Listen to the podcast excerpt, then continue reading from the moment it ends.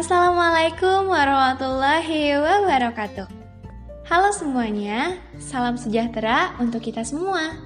Shalom, Om Swastiastu, Namo Buddhaya, salam kebajikan. Selamat pagi, siang, sore, dan malam bagi yang sedang mendengarkan. Gimana nih kabarnya Bapak dan Ibu dosen juga teman-teman semua? Semoga selalu dalam keadaan sehat ya. Amin, amin. Perkenalkan, aku Salwa Putri Awalina dari program studi komunikasi Sekolah Vokasi IPB Angkatan 57 Laksamana Agridaya.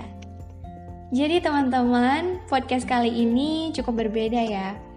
Biasanya aku bikin podcast tentang feeling atau everything about life gitu.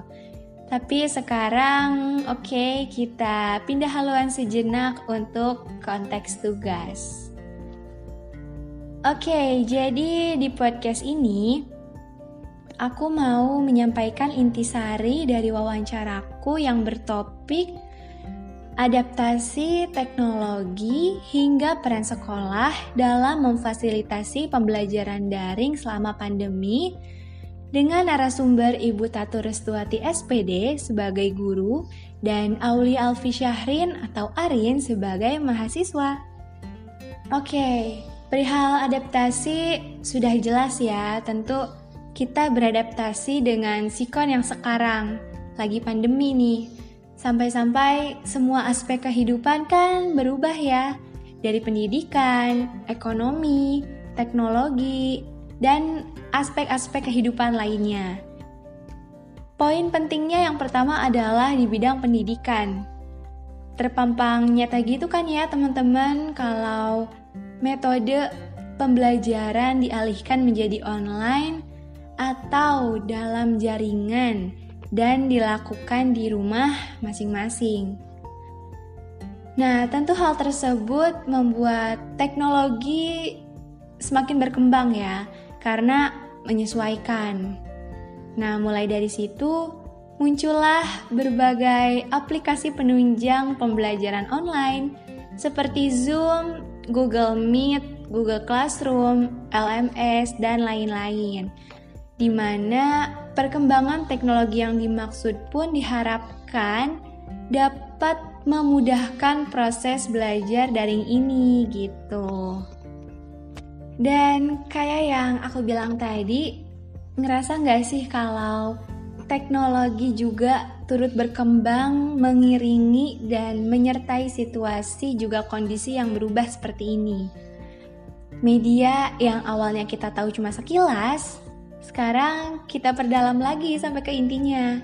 Tools-toolsnya, fiturnya, bahkan sampai jadi langganan kita sehari-hari kan ya buat belajar Um, aku tahu mungkin awalnya agak sulit emang dan aku pun merasakan hal yang sama. Bingung gitu.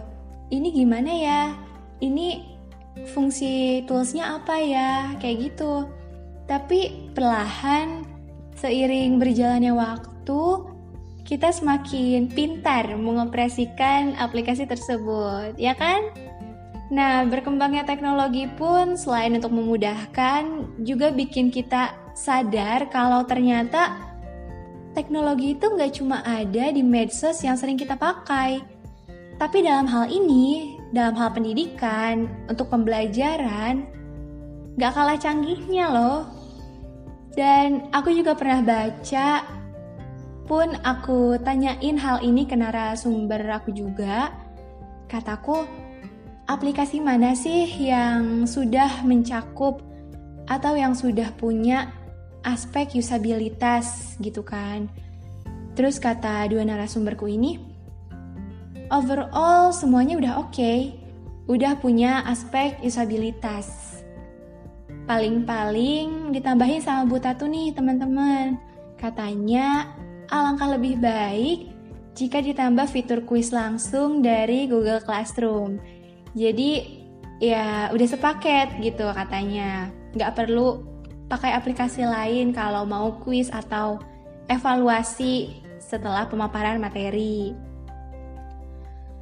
Terus aku juga bertanya perihal setuju nggak kalau ada aplikasi game berbasis edukasi untuk memancing antusiasme anak mengikuti pembelajaran daring.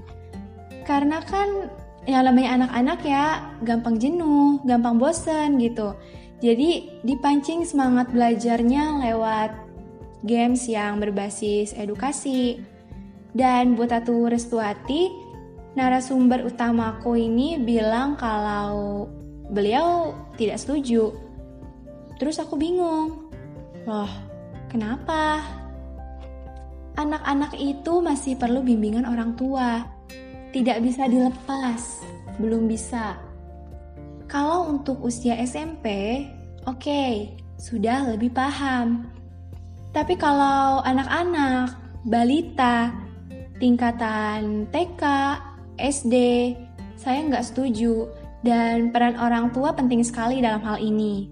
Mengingat kalau memang benar seperti itu, ada game berbasis edukasi untuk anak, Coba kita lihat dulu dampak negatifnya. Seperti yang pertama, si anak bisa kecanduan main handphone karena yang seru-seru ada di handphone kan, games dan lainnya. Dan yang kedua, radiasinya tinggi. Bisa menyebabkan kerusakan pada mata atau organ tubuh lainnya. Makanya saya tidak setuju. Kalau edukasi lebih baik orang tuanya saja mencari di internet. Lalu diberitahukan kepada anak, bukan anak yang megang handphone seperti itu katanya. Terus aku diam, dalam hatiku bilang, oke, okay, paham, bener juga, bener banget gitu. Apalagi anak zaman sekarang, wah, luar biasa udah tahu handphone, udah main handphone, bisa makin-makin aja gitu kan. Oke, okay, next kita beralih ke keluh kesahnya tentang pembelajaran daring ini. Tepatnya kendala ya, ternyata banyak banget juga. Wow. Memang teman-teman secara umum kendala yang sering kita lihat adalah koneksi ya. Jaringan internet yang nggak stabil, webnya down karena diakses berbarengan sama yang lain, atau dari lingkungan sekitar kita kayak bising atau cuaca hujan yang bikin internet juga makin down gitu. Kurang lebih mungkin seperti itu. Tapi ada lagi yang lebih prihatin kayak nggak punya handphone, nggak punya laptop, terus nggak ada kuota juga. Aduh, kasihan kan ya orang pengen belajar, tapi sarana dan prasarananya tidak memadai. Nah, di sini nih, sekolah di mana dia belajar harus turun tangan supaya siswa-siswinya yang terkendala tidak ketinggalan pelajaran. Contohnya kayak tempat Butatu mengajar nih teman-teman, yaitu di salah satu SMA negeri Kota Bogor.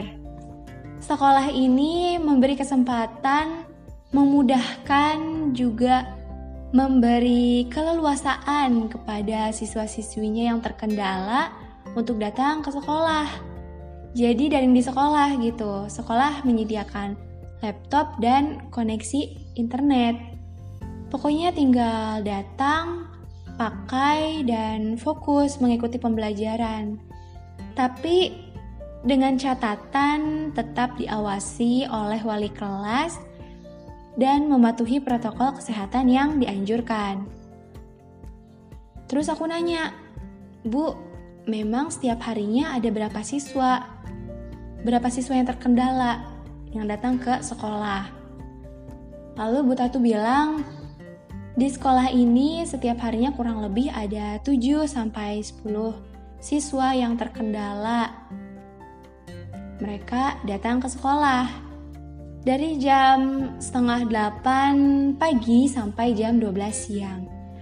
Aku pikir, wah bagus nih, sekolah pun ikut bertanggung jawab dan ya memang harusnya seperti itu gitu. Tapi ada lagi nih kendala atau distraksi belajar online di rumah. sumbernya dari diri kita sendiri. Apa tuh?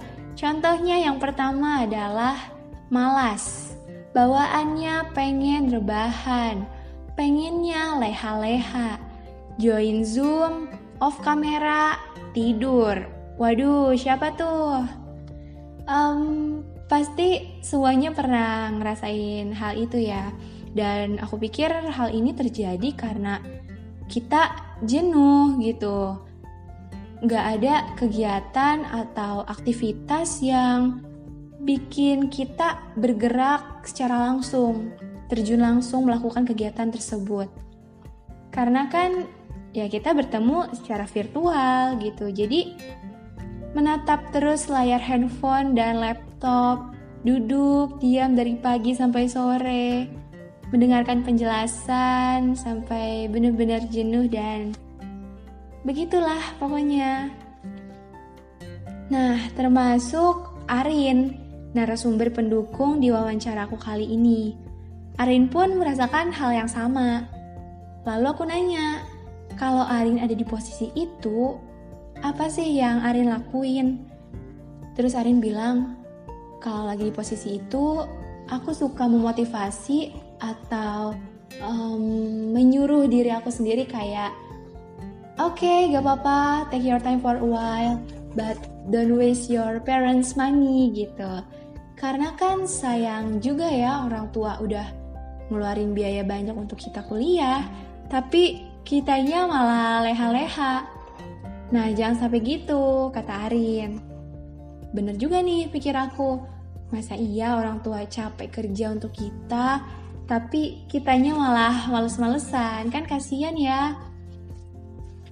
Jadi pada intinya, it's okay take your time for a while, but don't take a break in a long time gitu. Karena sejatinya yang menentukan masa depan kita adalah diri kita sendiri bukan orang lain. Dan kita harus bisa memegang kendali akan hal tersebut. Nah gitu teman-teman. Banyak banget cerita banyak banget kecewanya karena nggak tatap muka keluh kesahnya tentang kendala ataupun rasa senang dan bahagia karena bisa belajar dengan santai sambil leha-leha ataupun rebahan. Tapi yang pasti, sikon seperti ini di luar dugaan kita ya teman-teman. Jadi kita ya mau tidak mau harus bisa, harus turut beradaptasi, menyesuaikan diri gitu. Dan di balik kendala atau hal buruk yang terjadi, pasti ada hal positifnya, pasti ada. Seperti misalnya karena pandemi ini, kita jadi lebih tahu dan mau ngulik teknologi. Terus waktu dengan sanak saudara dan family lebih banyak lagi setelah mungkin agak longgar ya karena disibukkan dengan kegiatan masing-masing gitu. Jadi hal positif itu tetap ada di balik hal yang buruk seburuk apa pun itu. Dan oke, okay, ini panjang banget sharingnya. Tapi gak apa-apa, semoga bermanfaat, semoga suka dan menikmati podcast aku ini. Terima kasih yang sudah berkenan untuk mendengarkan. Mohon maaf, masih ada kekurangan di dalamnya. Sampai jumpa di podcast aku selanjutnya, teman-teman. Bye.